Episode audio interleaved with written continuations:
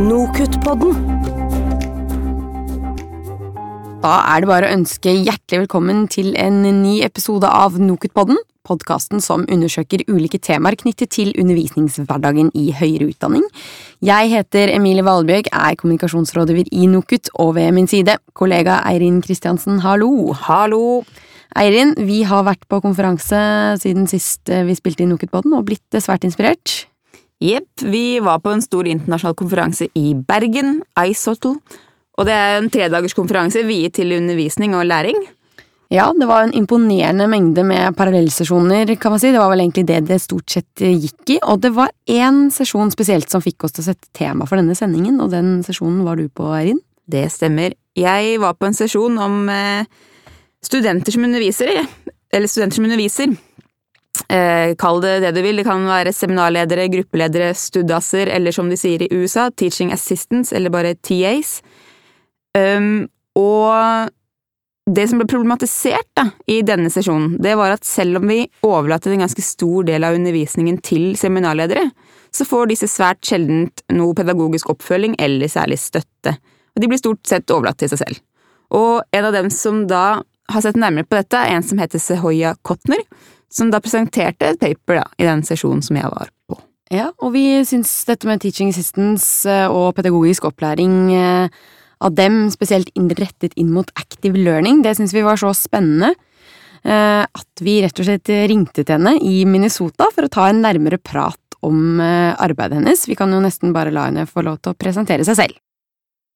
Uh, hi, my name is Sahoya Kotner. I'm an associate professor in the Department of Biology, Teaching, and Learning at the University of Minnesota in the US. And I'm really interested in um, particularly inclusive teaching in equity and STEM and how we can incorporate that into our um, laboratory environments, into our lectures, etc. And I've recently become begun this program for professional development for our teaching assistants in our laboratories. Så det Sahoya fortalte, var at mens de fleste undervisere har startet å dreie undervisningen sin mot mer aktiv læring, så glemte de å informere seminarlederne sine om at de kanskje burde gjøre det samme.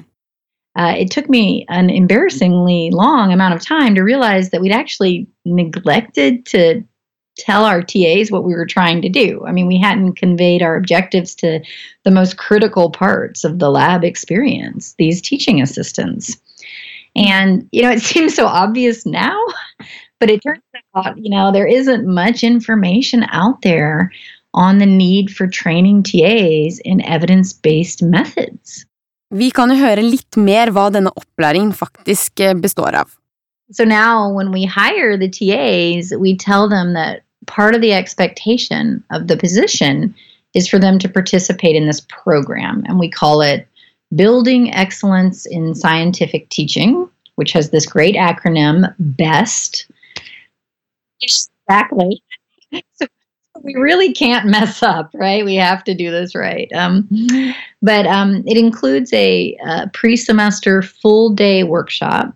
And for some groups of TAs, and it would be great if it was all of them, this workshop is followed by tiny teaching modules throughout the semester. So these are about 20 to 30 minute uh, training sessions that are added to their typical weekly meetings that they would attend for the lab courses. And I, I really love these because they've been designed to respond specifically to what the TAs tell us they need. So we had we asked them consistently, you know, how are things going? What are your concerns? And if a bunch of TAs tell us, you know, they're concerned about um, group dynamics, for instance, or how to work with students that are learning English, etc., then we quickly think about, you know, how can we handle this and design a module. And most of these were developed by Lori Patrick, and they're implemented by a PhD student, Hilary Barron. And both of these people are really great about listening to the TAs and modifying their plans as needed. So I'm, I'm really psyched about that. But, you know, in general, the TAs really want help um, learning about and practicing teaching strategies they can immediately integrate into their teaching. So they don't really want to sit around and talk about, you know, pedagogy or theory and, you know, how students learn they want to know, you know, what's something I can take into my class this week that I won't have to spend a lot of time preparing and it'll make the session go better. You know what I mean? And they've been very clear that that's what they want. So, um, one thing that they really liked about the workshop and we've followed up with is something that I call easy in class assessment techniques. So, with easy in class assessment techniques, it's just, you know, any number of techniques that get students to talk. You know, so this could be a really simple uh, think, pair, share strategy. Um, you know, where you you force them to be quiet and think for a few seconds, and then they talk to each other, and then after those kind of just simple pairing sessions, you're more likely to get more voices in the class. You know, mm-hmm. um, we use classroom response systems, or you can do something called a throat vote, where the students just hold their a finger to their hand to indicate, you know, their vote or what they think is the right answer. Um, and uh, multiple hands, multiple voices is really hard for the instructor. It's where you would say, okay, I have this question. I want you to talk about it. And then I'm going to call on people after I see X number of hands, you know, three hands, four hands it's really painful because you're just standing there, you know, waiting and waiting. But then you get a lot of students to talk who wouldn't ordinarily participate. Mm. And I think that has a lot of value, you know, in lecture, but also in lab, because these students then have, a you know, more autonomy and they're more likely to engage in the lab activities. Det som er så spennende med det her, det er at de forsker på, eh, på den opplæringen de gir, og Og det ene de ser på, er jo forskjellen på om det er eh, Hva som er best av det å ha en workshop i starten av semesteret, og det å få jevnlig oppfølging en gang i uka gjennom semesteret. Og derfor har de ikke fått resultatene sine ennå, men de forventer jo at eh, det skal være bedre å få den oppfølginga gjennom eh, semesteret.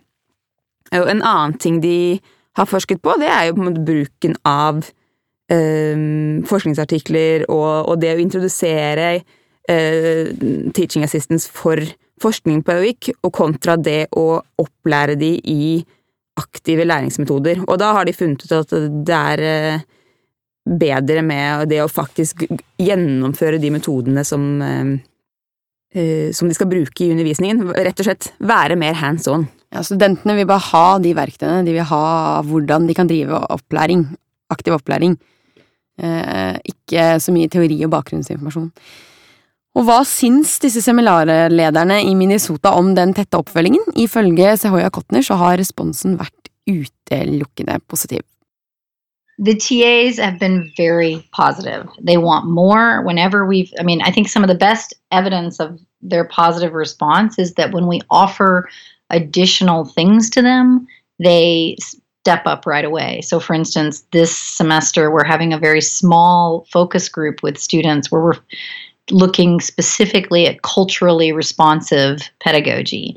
And we had several TAs who immediately said, I want to be involved in that. So I think that's really great. Um, the we do a lot of surveys of the TAs and what they value and what they don't value, and, and they're overwhelmingly positive about the training itself a you know there's some things that they see as more valuable than others. Some things they you know don't hesitate to tell us are a waste of time.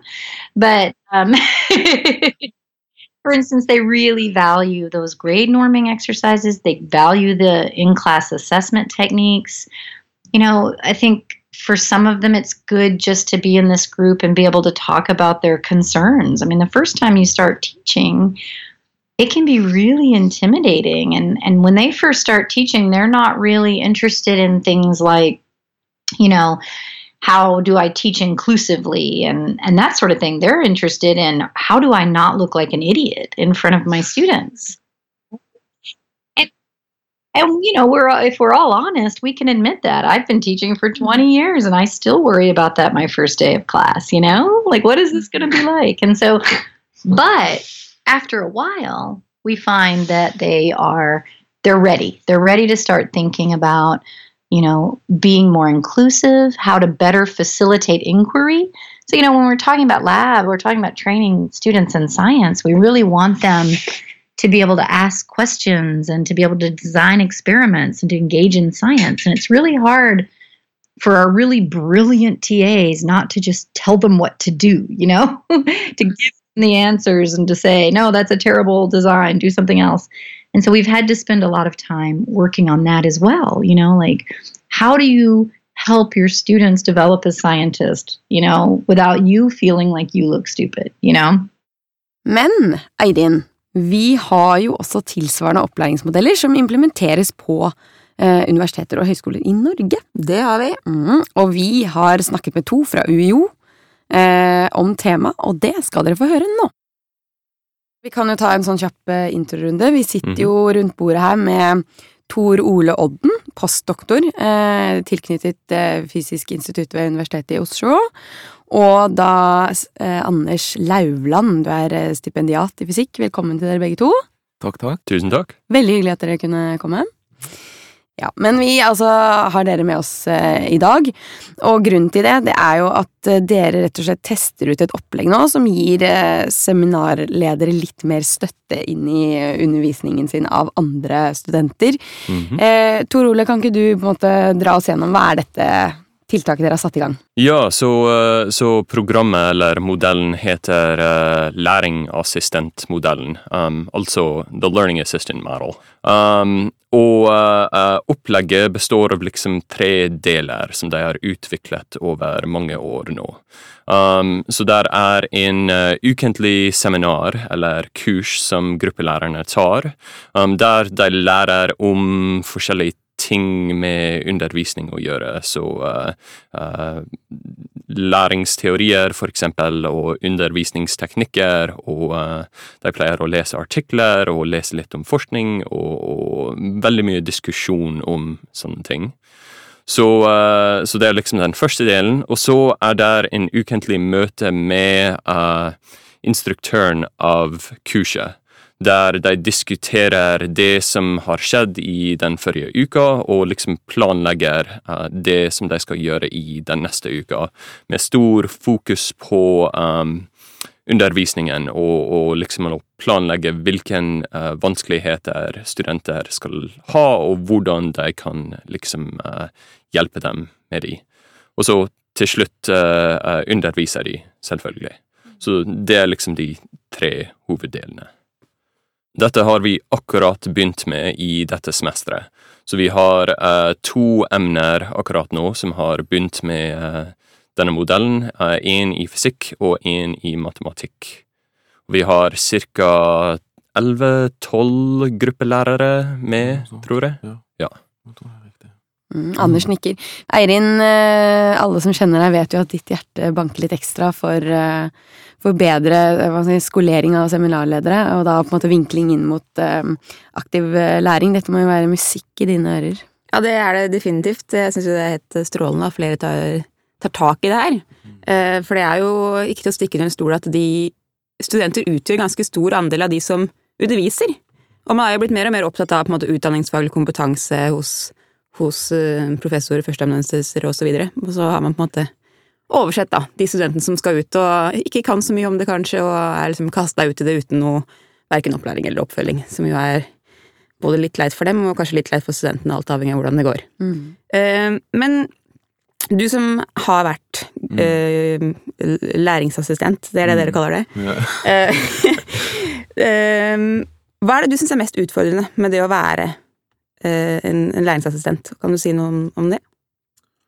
Det er vel det hvordan man nærmer seg en gruppe, sånn fysisk, da. Hvordan du ikke blir den derre overhengende læreren. For det, det hender jo i, i undervisningssammenheng at, eh, at det ikke alltid er noen som rekker opp hånda, og da må man finne på noe å gjøre, og så går man rundt og kanskje slår noen på skuldra og prøver å være litt kul, eller prøver å, å, å få kontakt med studentene.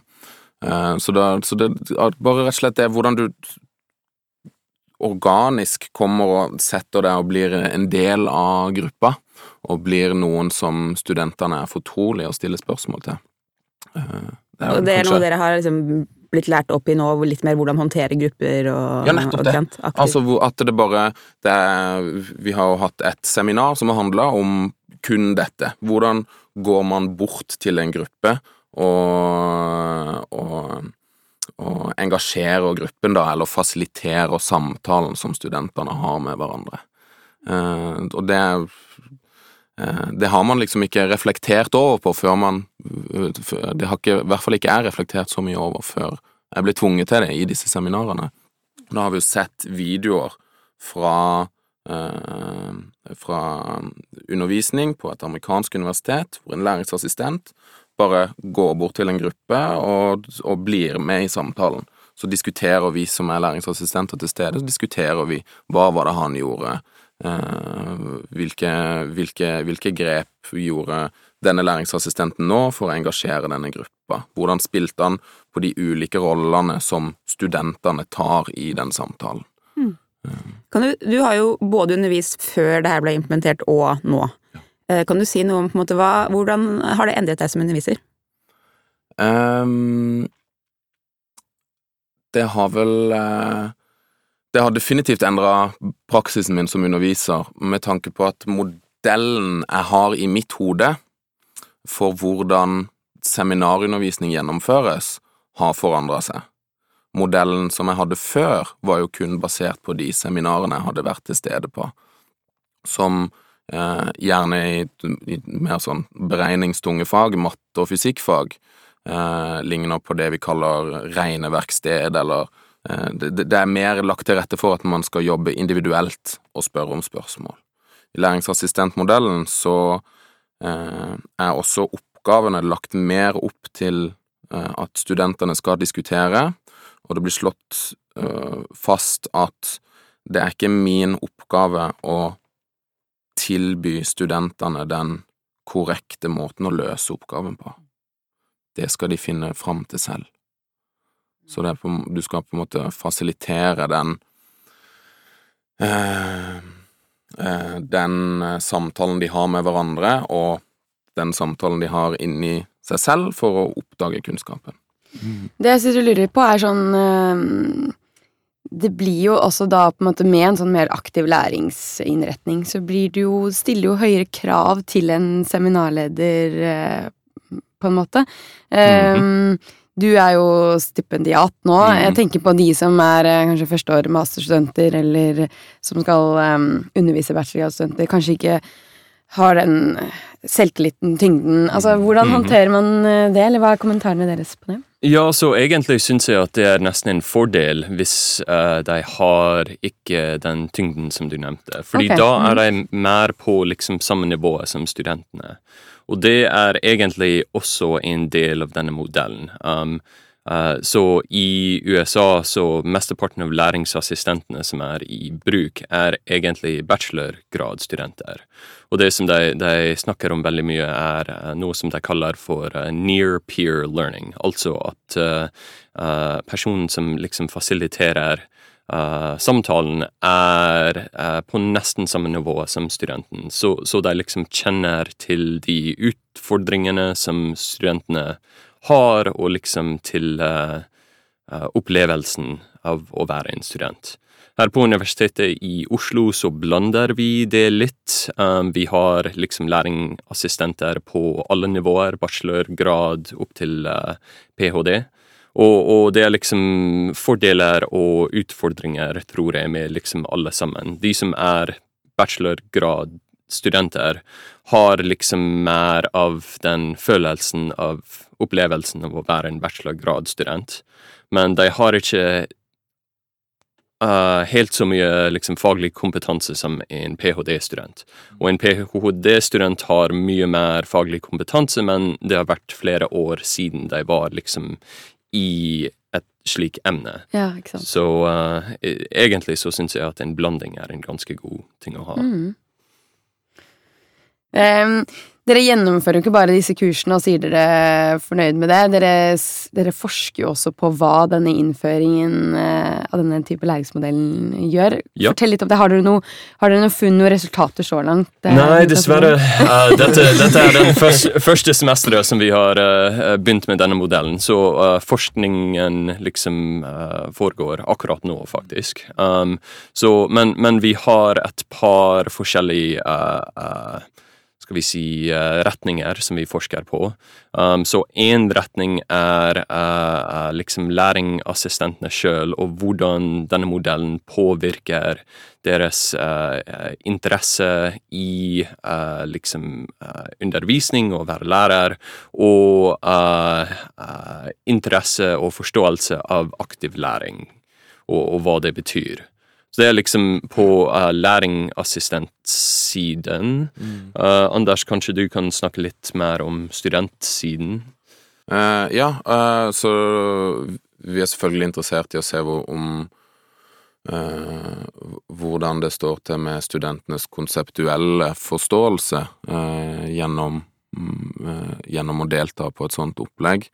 Det er jo det studier fra amerikanske universiteter viser til at Eh, at de, de, får en økt konseptuell forståelse ved å, ved å gjennomføre for studentene, da, ved å gjennomføre undervisning i Ja, for nå snakker vi om på en måte student... Uh... Studentene som, som lærer kurset, riktig, ja, riktig. som mm. blir fasilitert av læringsassistenter. Mm.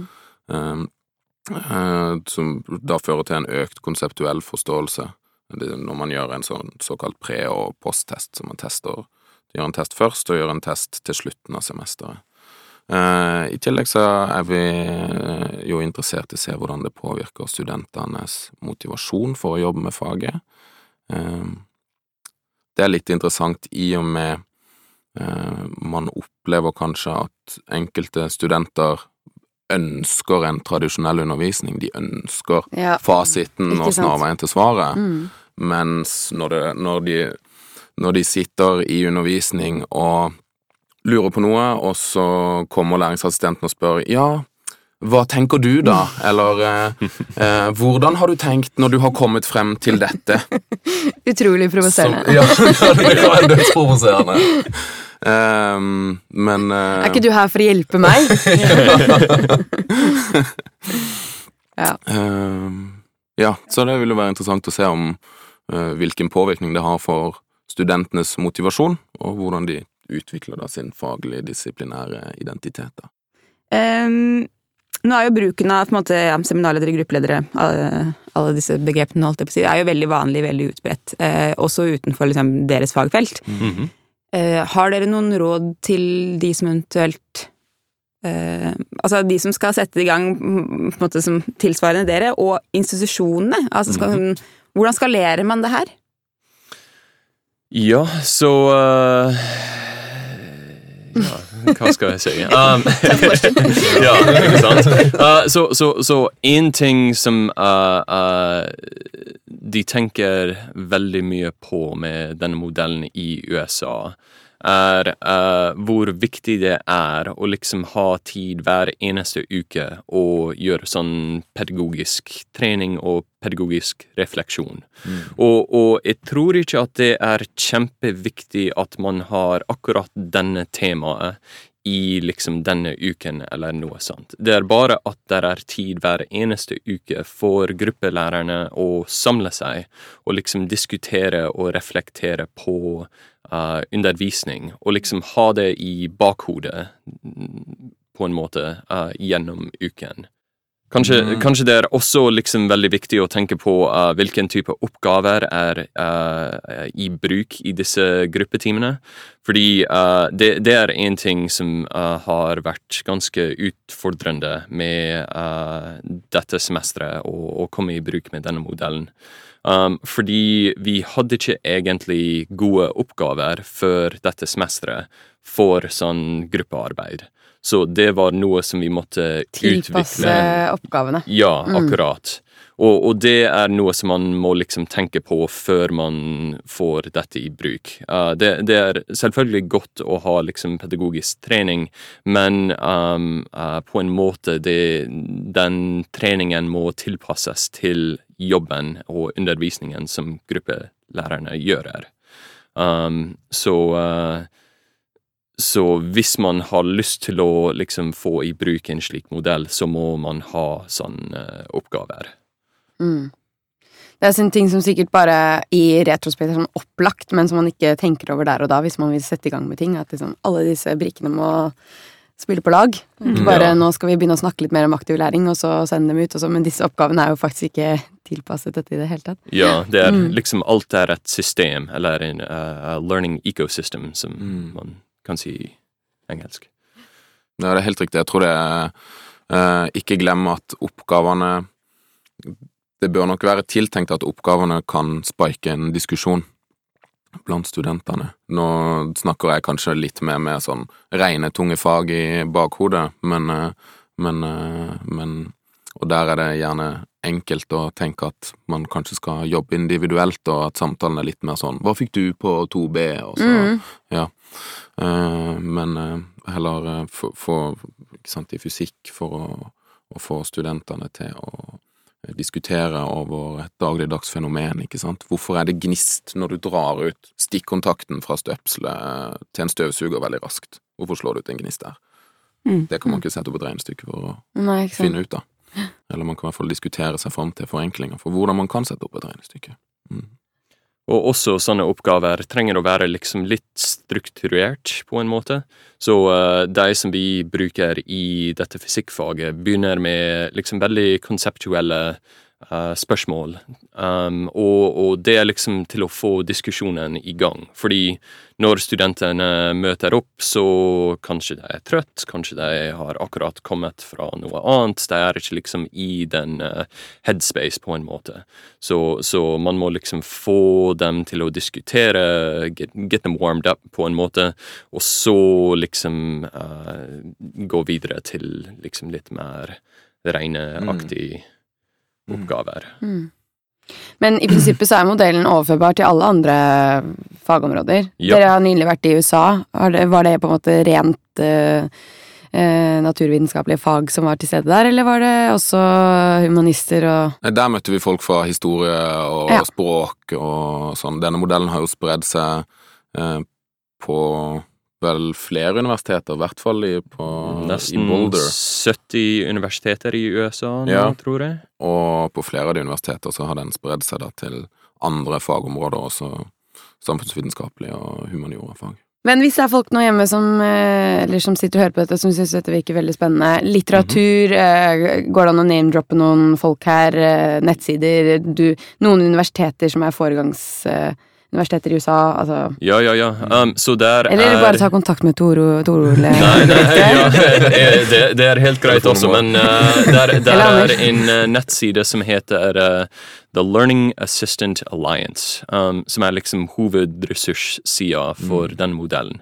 Um, og der uh, uh, finnes det liksom uh, uh, en, en database av alle de forskningsartiklene som har blitt publisert på dette, og uh, liksom en, uh, en kart av alle de forskjellige universiteter som bruker modellen, og uh, hvis universiteter er interessert i å adoptere denne modellen, så er det liksom den første stedet som Mm. man burde søke etter. Ja, det er en ganske uttømmende sånn ressursside hvor, som Thor sa, referanser til all, all forskning som er gjort på læringsassistentmodellen, er sortert på tema.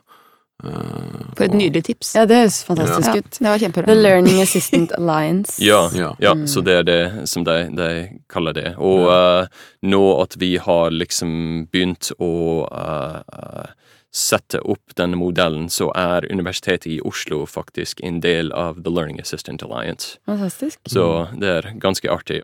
Tusen hjertelig takk for at dere kunne komme til Nokspodden. Selv takk. Mm. Nokutpodden.